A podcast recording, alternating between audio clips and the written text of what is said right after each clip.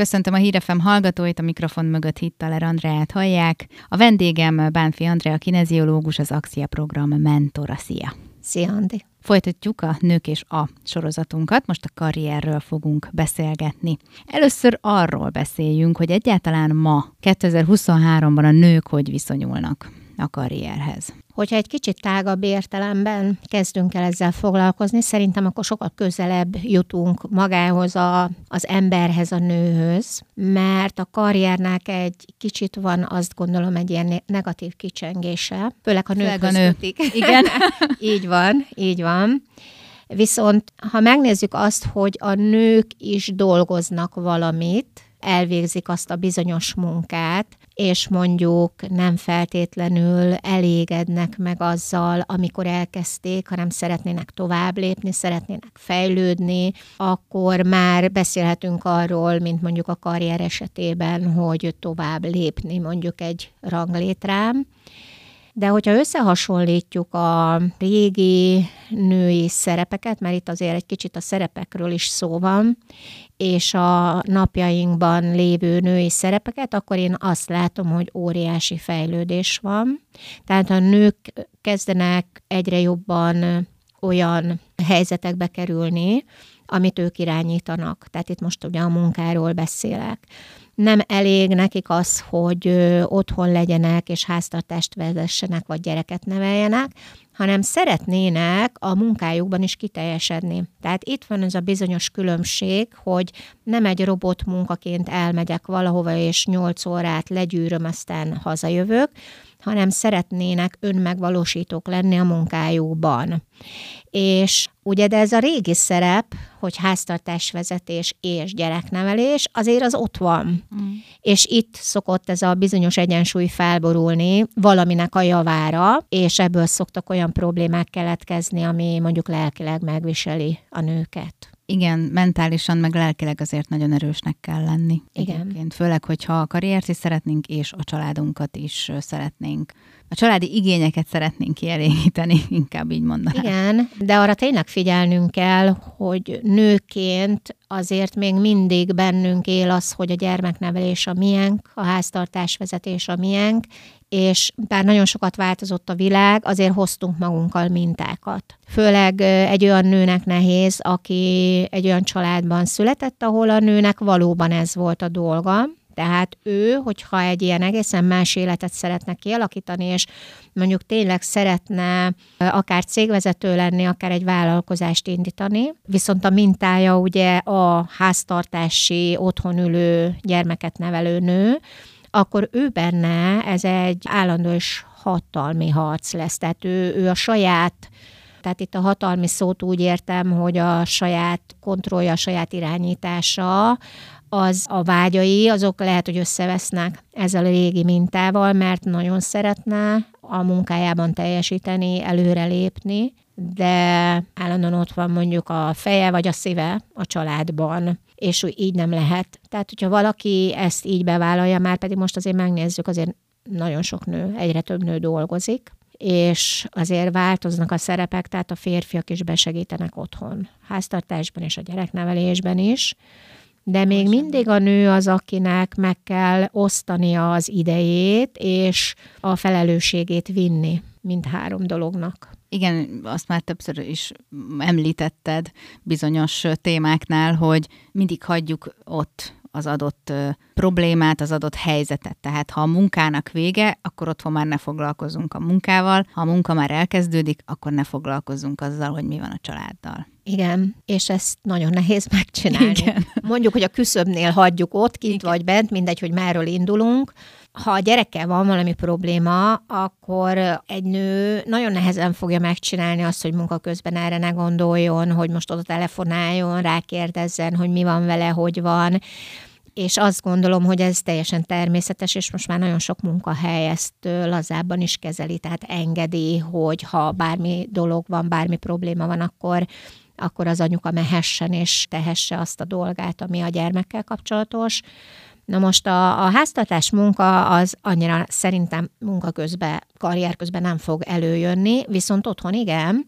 Tehát, hogyha a munka túl sok időt vesz el, vagy túl sok energiát, így mondom, akkor otthon már fáradt lesz a nő, és a fáradtságából adódóan nem fogja úgy elvégezni ezeket a dolgokat, amik, hát mondjuk azt, hogy elvárások. Most ezek az elvárások, ezek nem feltétlenül a férfiaktól jönnek, az apától, fértől, mm. hanem ő maga állítja fel. Tehát itt nagyon komolyan meg kell húzni a határokat, amire ritkán vagyunk képesek. Igen, meg hát nem beszélve arról, hogy, hogy azért itt az is közrejátszik, ha már így a családról beszélünk, és azt már egy icipicit említettük ugye a gyerekvállalás témájában is, hogy a nőknél nagyon sok esetben azért van egy félsz tulajdonképpen, hogy hogy, hogy fog visszatérni. Azért szerintem egy, egy, egy gyermek után azért változik az ember elég sokat, és lehet, hogy egész másképp fogsz gondolkodni bármiről, még a karrieredben is, amikor már anya leszel, és ezt a visszatérést is azért nehéz bizonyos helyzetekben kezelni. Igen, igen. Hát amikor beszéltünk ugye arról, hogy gyereket vállalunk, nem vállalunk, hogy ez is mennyit változott, azért ebbe benne van ez is. Uh-huh. Hogy van, aki ezt az egészet így átgondolja, és látja, hogy mondjuk gyermek mellett nem tudja úgy építeni a karrierjét, és mondjuk hoz egy ilyen döntést, hogy akkor nem lesz gyermeke, hanem annak szenteli az életét. Tehát ők ebből a szempontból ugye egy lépéssel előbbre vannak már, mint könnyebb nekik, de aki szeretne mindenhol megfelelni, azt csak egyetlen egy módon lehet csinálni, amit az előbb is említettél, hogy az adott helyzetben benne lenni, arra figyelni, azzal foglalkozni, és a többi területet olyankor tényleg kizárni. És higgyük el, hogy ez mindenképpen célra vezető, mert valahogy a, az idő is másként alakul, tényleg jobban, tehát ha valamire fókuszáltan odafigyelünk, akkor oda tesszük az energiát, és és sokkal jobban megoldódik ott az a helyzet, és az idő is elegendő lesz. Ezt, ezt azt tudja igazán, aki már csinálta ezt, nagyon sok ilyen ellenvéleményt hallottam már, de hát a multicégnél ilyet nem lehet csinálni, de hát így, de hát úgy. Mondom, semmi gond, de adjunk neki lehetőséget, és próbáljuk meg, hogy mi van akkor, amikor képes vagyok a munkámba annyira belefeledkezni, nem beletemetkezni, mert ugye abban uh-huh. benne van az, hogy akkor se kép, se hang, Igen. hanem annyira odafigyelni rá, hogy tényleg célzottan csak azzal foglalkozom, ami éppen a kezem ügyében van, és hát bizony lehet, hogy ilyenkor azok a bizonyos határokat meg kell húzni, és hogyha valaki oda akar lépni, akkor, akkor intek, hogy nem, most én ezzel akarok foglalkozni. Egyébként, hogyha így tennénk, és mindenki tiszteletben tartaná a másikat a lehetőségekhez képest, akkor azért ott, ott nagy előrelépés lenne elég nagy küzdelem kell. Szerintem nőként azért tisztában kell lenni azzal, hogy nekünk sokkal nehezebb dolgunk van karrierépítés szempontjából, mint a férfiaknak. Tehát ezt mindenképpen szerintem tudatosítani kell, hogy annyira nem egyszerűek ezek a dolgok. Igen, nagyon sok a tanulmány is, tehát hogyha most itt nézzük, hogy mi itt lakunk, ugye ezeket ismerjük nagyjából, ezeket a helyzeteket, de azért, ha a világon körülnézünk, még mindig nagyok a különbségek tehát ott még mennek a harcok, hogy akár egy nő nem lehet bizonyos pozícióban, sőt, még lehet, hogy ugyanazt a munkát végzi, de kevesebb fizetést kap, tehát azért ezek nem feltétlenül jelzik azt, hogy megszületett ez a fajta egyenrangúság, és hogyha azt érzi valaki, hogy az ő szavára nem figyelnek, vagy az ő döntéseit nem veszik figyelembe, és ez mondjuk elég gyakran előfordul, akkor nyilván, hogy ezt, ezt orvosolni kell. De én itt megint visszatérnék a saját szakmámhoz, hogy ez leginkább belőlünk indul nőkből. Tehát, hogy mi mennyire tartjuk magunkat ember számba. Mert amikor arról beszélünk, hogy én ki akarom harcolni, azt, hogy én nőként is legyek valaki, az akkor még mindig csak egy olyan fél emberként próbálok magamra gondolni, ez is millió másfajta mintából adódik, de vajon tudok-e magamra úgy gondolni, hogy emberként, teljes mhm. emberként, aki nő? És el tudom-e fogadni azt, hogy így vagyok teljes értékű? El tudom-e fogadni azt, hogy most nem kell itt kihangsúlyozni, hogy nő vagyok, hanem úgy viselkedni, úgy élni, tehát olyan legyen az én képem, hogy nekem ne kelljen bizonygatnom, hogy oké, okay, rendben van, hogy nő vagyok, de nekem többet kell dolgoznom, oké, okay, hogy nő vagyok, többet kell letelnem az asztalra. Tehát, hogy ez egy picit most sarkítok, ne is forduljon meg a fejünkbe. Hát ugye? Ez, ez sem egy egyszerű dolog tulajdonképpen, nem. mert ugye nem ezt kapjuk a, a, a külvilágtól szerintem. De a külvilágtól, tehát a, ami a külvilágból érkezik, az egy számunkra, tehát tőlünk ered, tehát nem tudjuk megváltoztatni. Az emberek úgy viselkednek, ahogyan viselkednek, de az, ahogyan én gondolkodom magamról, azt befolyásolhatom. És hogyha ezt az én képet én meg tudom erősíteni, úgy, mint ember, úgy, mint nő, akkor más lesz a kisugárzásom. Uh-huh. Tehát, hogy egy picit így kell erről gondolkozni. Tehát ez ugyanolyan, mint hogyha oda megyek egy vizsgabizottság elé, egyedül ott ülök, szembe velem 5-10 ember, ilyen morc ábrázattal, és hogyha én könnyedén és mosolyogva megyek oda, akkor egészen más lesz a visszajelzés, mint ha ilyen picire összemegyek, és akkor rágom a körmömet, milyen képet mutatok magamról, ugye? És ez mindenhol ott van. Tehát ez nagyon-nagyon fontos, és ezért biztatok mindenkit arra, hogy ezt az én képet, ezt mindenképpen erősítse meg, mert hogyha ez megvan, akkor jön az a bizonyos felhatalmazás, hogy én megengedem magamnak, hogy bárhol ott vagyok, ott lehessek teljes önvalomban. Nem csak egy fél emberként, nem csak 30 százalékként, és nézhetnek rám, hogy én csak 30 százalékos vagyok, mert nő vagyok, hogyha én 100 százalékosnak érzem magam. Nem fogom észrevenni ezeket a jeleket, nem fog zavarni, és ki fogom tudni hozni magamból azt, amit én szeretnék. Igen.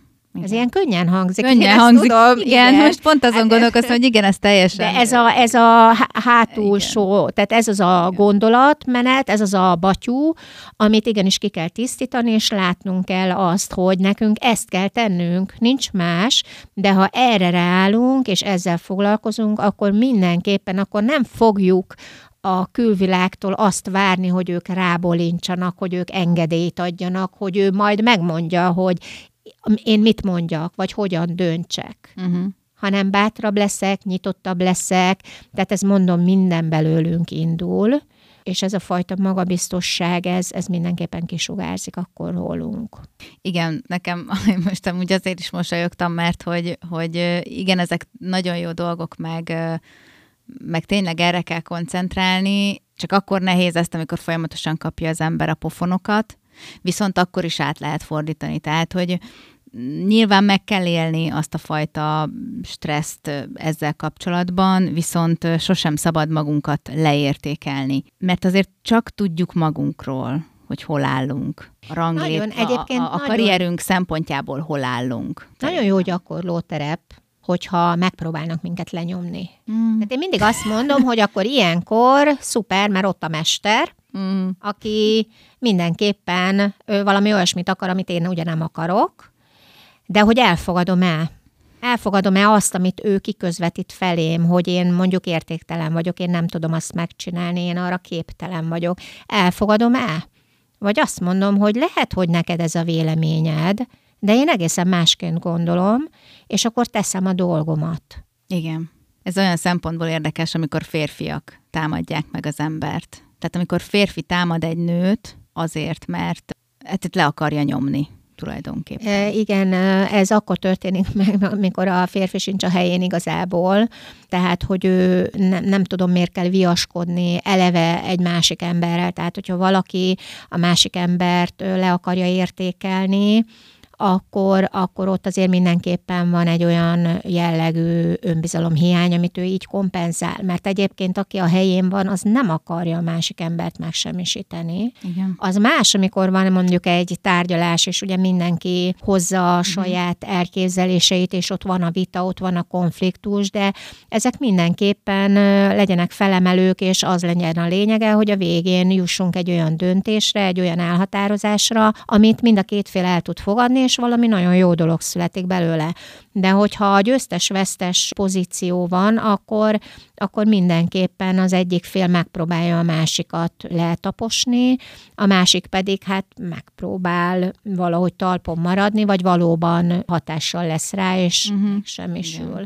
Na és ilyenkor történik az, hogy ha valaki viszont erős énképpen rendelkezik, azt nem fogják tudni eltaposni. Ebben biztos vagyok. Hát igen, legalábbis az önbecsülését minden. Így van, az megmaradt. Tehát az, hogy a másik ember hogy viselkedik, azt nem. Igen, azt nem. Nem, nem. De saját maga, tehát ő megmarad az az önbecsülés, hogy, hogy ő ki tud jönni abból a teremből, abból a szobából, abból a helyzetből úgy, hogy utána nem szakad össze, és nem lesz beteg, mondjuk, mert ugye ezek előfordulnak ilyenkor, hanem éli tovább az életét, és azt mondta, oké, okay, volt egy ilyen helyzet, lépjünk tovább, nézzük, hogy mit lehet belőle kiemelni, tanulni, és aztán menjünk tovább az utunkon. De ilyenkor legtöbbször az van, hogy összeszakadunk, tehát mi nők nagyon érzelmi lények vagyunk. Uh-huh ami az, azért érzelmileg minket sokkal jobban megérint bármi, ezért is tudnak a férfiak sokkal tényszerűbben beszélni és hozzáállni dolgokhoz.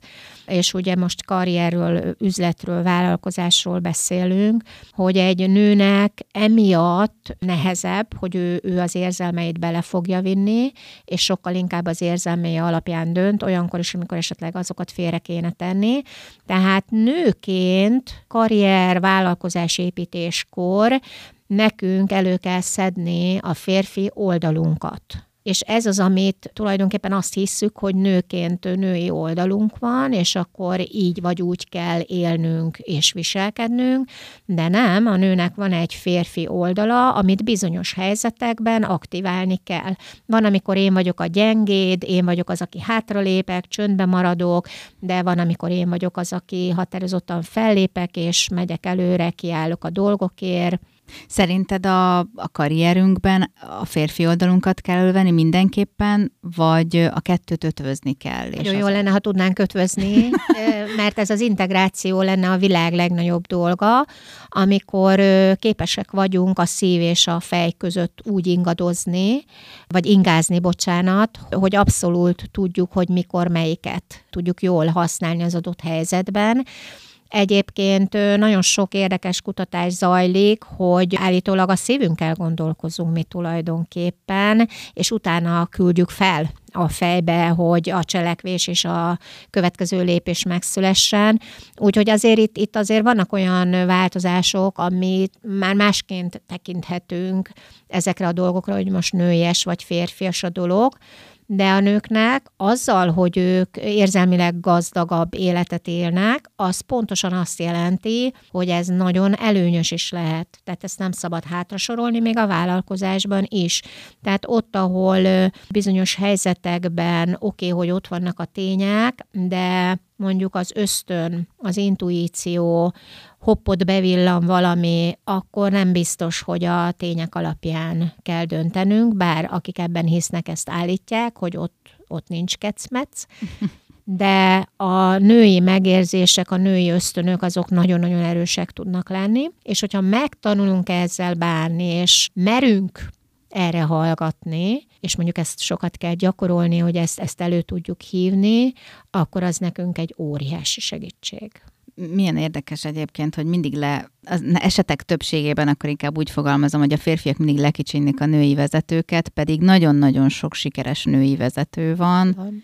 és hogy én szerintem ő nekik dupla annyit kell dolgozniuk, harcolniuk, hogy őket elismerjék. És hogy ezt, ezt felfogva kéne szerintem egy kicsit jobban tisztelni a nőket ilyen szempontból, hogy azért ők is ugyanúgy ugyanazt a munkát beleteszik abba, sőt. Igen, Szerintem ez mindenképpen van, ahol így működik, van, ahol azért már hála Istennek javuló tendenciát Igen. mutat, de megint csak visszatérek oda, hogy és mi mit gondolunk magunkról. Uh-huh. Tehát ezt mindenképpen nem győzöm hangsúlyozni. Millió olyan helyzetbe és szituációba kerültem, hogy az a bizonyos meg se fordul a fejemben, hogy ez nem uh-huh. úgy lesz, vagy ez úgy lesz, és a másik ember viszont ugyanabban a helyzetben mondjuk összeszakadt, és gondolkozásról volt szó, hozzáállásról volt szó Egyszer csináltam egy olyan interjút egy maratoni futóval, aki hát nagyon sokat tanultam tőle, és ő azt mondta, hogy amikor éjszaka felérte a hegytetőre, és egyszerűen nem mozdult már a lába, tehát annyira fáradt volt, és még előtte volt, nem tudom, valami, már nem tudom mennyit mondott, sok, nagyon uh-huh. sok kilométer, hogy azt mondta, hogy ez az a pillanat, amikor ő neki eszébe se jutott, hogy feladja. Mert azt mondta, hogy abban a pillanatban, ha eszébe jut, uh-huh. vagy akinek eszébe jut, az feladja. És nekem ez egy akkora tanulság volt, hogy, hogy vajon hogyan tudunk gondolkozni egy nehéz helyzetben, hogyan tudunk arra reagálni, amikor azt érezzük, hogy nincs tovább. És itt a legfontosabb, mert nagyon könnyű egy jó helyzetben jól reagálni a dolgokat, pozitívan gondolkozni, nemet mondani, határokat húzni, de mi van akkor, amikor nehéz helyzetbe kerülünk, na az a gyakorló terep igazán. És ott tudjuk az agyunknak azokat az utasításokat adni, ami alapján aztán ő majd dönt. Tehát én fogom eldönteni, vagy a gondolataimban csak arra a fókuszt helyezni, ami nekem fontos. Tehát az, hogy de megyek és csinálom, és beérek a célba, vagy pedig annak adok engedélyt, hogy hát most akkor lehet, hogy nem kéne tovább futnom, nem kéne tovább csinálnom. Mi van, ha ez nem nekem való? Mi van, ha téved lettem. És akkor jönnek ezek a kis belső szabotőrök, és ezek csak pillanatnyi gondolatok, de elkezdünk vele foglalkozni, elkezdjük kitupírozni, alátámasztani, megmagyarázni, és már is elkezdtünk egy olyan lavinát elindítani, aminek egyértelmű, hogy az lesz a következménye, hogy feladjuk. Érdekes, mert pont tegnap néztem egy sorozatot, az ifjúságomban volt egy ilyen rész, hogy tudta a feladatot, amit le kellett volna neki írnia, tudta, hogy mikor tanulta meg, és, és egyszerűen nem jutott eszébe. És ugye beszélgetett a, a testvérével, hogy ő hogy csinálja azt, hogy ő nem gondol semmire tulajdonképpen, mert tényleg az van, hogy nagyon sokan azt csináljuk, hogy iszonyatosan túlagyaljuk a dolgokat, és már kreálunk egy, egy ilyen kis kvázi világot az egésznek, és nyilván, hogyha meg beigazolódik, akkor na, na én megmondtam, hogy ez Igen. lesz. Hát ezt hívom én sztorizgatásnak. Tehát van egy történet, van egy esemény, amit aztán elkezdünk felcímkézni. Elkezdünk történeteket hozzárakni, holott az csak egy történet. Tehát, hogy most azt mondom, hogy valaki ott áll velem szembe, és mondjuk elkezd elkezdi felemelni a hangját, és üvölt. Na most én erre nagyon sokféleképpen reagálhatok, megijedhetek, mert mondjuk van egy olyan minta a hátam mögött, hogyha valaki üvölt, abból nagyon nagy baj lesz. Tehát megijedhetek. Vagy azt mondom, hogy elkezdem figyelni. Oké, rendben van, felemelte a hangját, de én figyelek arra, amit mond és hogyha én képes vagyok ott abban a helyzetben úgymond a saját helyemen maradni, akkor én ezt az egész szituációt én tényleg másik szemmel is meg tudom nézni, másként fogom értékelni, és nem azt mondom, hogy ez egy vadbarom, aki állandóan üvölt, és ettől félni kell, mert lehet, hogy ő neki ilyen a stílusa. Tehát most ezzel mit kezdjünk? Mondhatnám azt, hogy jó lenne, ha változtatna rajta, mondhatnám azt, hogy de nem kéne üvölcsön, de mikor üvölt. De mikor ő mindig ilyen, viszont amit mond, az lehet, hogy értékes. hm. Ezeket így külön választani, hogy, hogy én elkezdem megítélni, jellemezni azt, hogy ő mit csinál, a tények helyett, na akkor szokott eltorzulni, és akkor szokott olyan irányt vetni, amivel már lehet, hogy nem tudok mit kezdeni, és abban már belemegyek érzelmileg. A másik, ami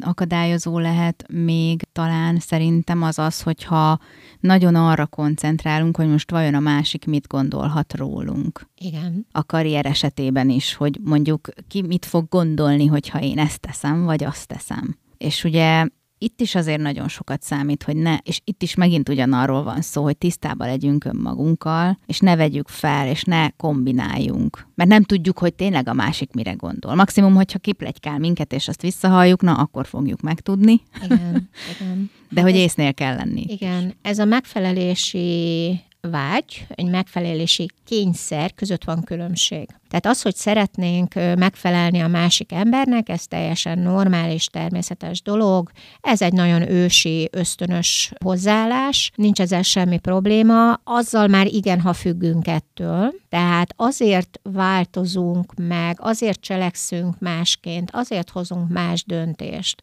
mert hogy a másik mit fog szólni ehhez, tehát úgy gondoltam, hogy másikat, mint amit a szívünk diktál, uh-huh. vagy mint amit az eszünk diktál, és a megfelelési kényszer miatt fogunk változtatni ezen a másik kedvéért, és állandóan ezt csináljuk, azért, hogy kapjunk dicséretet, azért, hogy ő szeressen, hogy elfogadjon, hogy nem tudom, tehát millió elvárásunk van ezzel kapcsolatosan, amit ha nem kapunk meg, akkor nagyon nagy csalódás lesz, szóval ilyenkor érdemes ezt is átgondolni, gondolni, hogy vajon mindig a másik kedvére cselekszem, vagy néha tudok nemet is mondani, meghúzom a határaimat, vagy állandóan szolgaként figyelem azt, hogy a környezetem mit szeretne, mert lehet így is élni, de akkor az nem okoz stresszt, hogyha valaki azt mondja, hogy ő neki ilyen az élete, Teréz anya is ezt csinálta, nagyon sokan így élnek, és elfogadják ezt. De hogyha valaki úgy teszi ezt, hogy közben belül sír, vagy morog, vagy dühöng, na akkor ott már egy olyan belső box van, ami iszonyú nagy stresszt okoz, és abból nagyon súlyos következmények lesznek. Igen. Lehet, hogy akkor robban, amikor nem számítunk rá. Igen, általában ezeknek Igen. mindig ez a, ez a következménye, hogyha soká, sokáig elnyomjuk magunkban a, a stresszt, akkor egyszer csak kirobban, és akkor onnantól kezdve Igen, nincs megállás, Igen. és lehet, hogy olyat mondunk, amit alapjáraton nem is szeretnénk kimondani, Igen. vagy nem mondanánk esetleg. És hát, hát igen, igen. És általában sokszor hallottam már azt egyébként, hogy férfiaktól, meg olvastam is ilyen cikkeket, meg láttam ugye ilyen dokumentumfilmeket, és hogy mindig azt vetik a nők szemére, hogy azért nem jók a nők, vagy női vezetők, mert hogy sokkal hisztisebbek, mert hogy ugye mi változik, tehát hogy nekünk sokkal változatosabb a, a kedvünk. Holott ha megnézzük a női vezetőket, akkor tulajdonképpen sok esetben van, amikor észszerűbb döntéseket hoznak, mint mondjuk a férfi. Hát ott van a tulajdonképpen a beleérzés, az együttérzés, az, hogy mondjuk egy vezetőnek az alkalmazottaival azért jó lenne olyan kapcsolatot ápolni, hogy azért ott oda-vissza mehessen a kommunikáció, mm. meg lehessen beszélni dolgokat, a konfliktusokat jól lehessen alakítani. Azért itt elképzelhető, hogy egy nő sokkal sokkal, és nem azt mondanám, hogy simulékonyan, mert ez megint negatív szóként hat, hanem mindenképpen jobban átlátja esetleg a helyzetet, jobban tud alkalmazkodni, jobban megérzi azt, hogy mondjuk a másik emberben mi dúlhat, és esetleg emiatt ő másként fog akkor másfajta döntést hoz, vagy másként gondolkozik, ez nem azt jelenti, hogy ő eltér az eredeti céltól. Itt, itt nem erről van szó, mert a célok ott vannak, a tervek ott vannak mindenképpen, de az oda vezető úton, hogy ott hogyan csináljuk a dolgokat, az lehet nagyon sokféle. Tehát ugye egy férfi valószínű másként fog ott lépdelni, egy mm. nő másként fog lépdelni, de ez, ez lehet bizony előnyös is, nem csak hátrányos, hogy azért, mert valaki nő, és az érzelmeit esetleg előtérbe tolja. Egy vezető, egy jó vezető pontosan tudja, hogy az érzelmeket mikor kell hátrarakni, mikor kell a tények alapján meghozni egy döntést, vagy esetleg mikor lehet előhívni ezeket, mert éppen segítő társak lesznek. Meg tulajdonképpen itt jön az, amit még az elején is mondtál, hogy emberek vagyunk elsősorban, és ugye a férfiak és a nők között is van olyan, aki vezetőnek való, meg van olyan, aki nem való vezetőnek. És ez teljesen független attól, hogy, hogy, hogy mi a neme igen, a másiknak. Igen. Tehát ez van egy, van az embernek egy habitusa, ugye vannak ezek a tesztek, amik kihozhatják azt, hogy ki mondjuk vezető típus, ki kevésbé, de az azért, mert valaki vezető típus, egyáltalán nem biztos, hogy a gyakorlatban is jól csinálja és hogyha, hogyha nem valakiről kijön, hogy nem olyan jó vezető, de mondjuk nagyon jól meg tudja tanulni, nagyon jól működik és hatnak rá azok a tapasztalatok, ami által ő vezetővé válik. Ezt szokták mondani, hogy régen sokkal jobban működött, hogy, hogy a ranglétrán lépésről lépésre haladt valaki, és mire oda került, hogy vezető legyen, azért ő végigjárta azokat a lépcsőfokokat, ami közben ő érett. Tehát ez, ez maga az, hogy ő érik, hogy ő stabilá válik, vezetővé válik, vezetővé tanulja magát, az bizony ugyanolyan jó lehet, mint ha valakinek mondjuk a, az erejében ott csörgedezik a, a vezetői vér. Igen. Meg hát az, az se véletlen ez a mondás, hogy minden sikeres férfi mögött áll egy, egy nő, aki irányítja ugye hátulról. Hát vagy aki... Vagy aki, aki társa ebben. Igen, a társa ebben, hogy ő, ő képes mondjuk kezelni azokat a nehézségeket, amit a férfi mondjuk a, a munkája közben elszenved, mondanám így, és akkor otthon ezt a nő nagyon jól tudja akár terelgetni, akár a férfi útját egyengetni, és itt pont itt jelenik meg az, hogy ugye a másik oldal, hogy a férfi és a nő hogyan tudják egymást kiegészíteni. Egyébként szerinted karrier szempontjából, vagy karrierépítés szempontjából most hol tartanak a nők? Gondolok itt arra, hogy nyilván régen azért kellett erősen küzdeni a nőknek, a régi időkben főleg, hogyha ha karriert szerettek volna, vagy bármit szerettek volna, most csak gondolunk a, az írókra, a női írókra, akik álnéven kezdtek el írni, mert akkor jobban olvasták őket, vagy vették őket, az is egyfajta karrierépítés volt, csak ugye el kellett bújniunk mégis. Tehát ma ebben a világban, amiben most vagyunk, mennyire bátrak a nők, hogy karriert építsenek? Sokkal bátrabbak, mint régen, sokkal kezdeményezőbbek, és Hát az, hogy cégeknél ugye ott van egy környezet, ahol attól függően, amiket említettél, hogy most a férfiak vajon hogyan fogadják elő, hogy ő, ő nőként mondjuk vezető pozícióban van, de hogyha a vállalkozásokat nézzük, nagyon-nagyon sok nő vállalkozik, és ott azért mindenképpen sokkal bátrabbak, nyitottabbak erre, jobban felvállalják, és így, így viszont a családok is ugye alakulnak, mert hogyha egy nő vállalkozást épít, akkor bizony az otthoni dolgokat át kell alakítani, meg kell beszélni a szerepeket, mert hogyha jól akarnak együttműködni, akkor ezt tudomásuk kell venni, hogy a nő így döntött, ő szeretne egy vállalkozást vizni, azzal pedig sok munka van. Igen. Mit tanácsolsz azoknak a nőknek, akik szeretnének kiugrani egy picit a hétköznapokból és karriert építeni? Én biztatok minden nőt, mert azt gondolom, hogy a bennünk lévő potenciált még-még ki lehet emelni, nem igazán érezzük még azt a teljességet, ami bennünk van, és akkor, amikor valaki azt mondja, hogy már pedig ő a kezébe szeretné venni a sorsát, és többé akar válni, és ő úgy gondolja, hogy ezt a munkájában vagy a karrierje során megtalálja, akkor mindenképpen meg fog érkezni az a hívó szó, amire érdemes hallgatni, ugye itt az intuíció vagy az ösztön, és rá kell lépni erre az útra. Köszönöm szépen, hogy itt Én voltál. is köszönöm.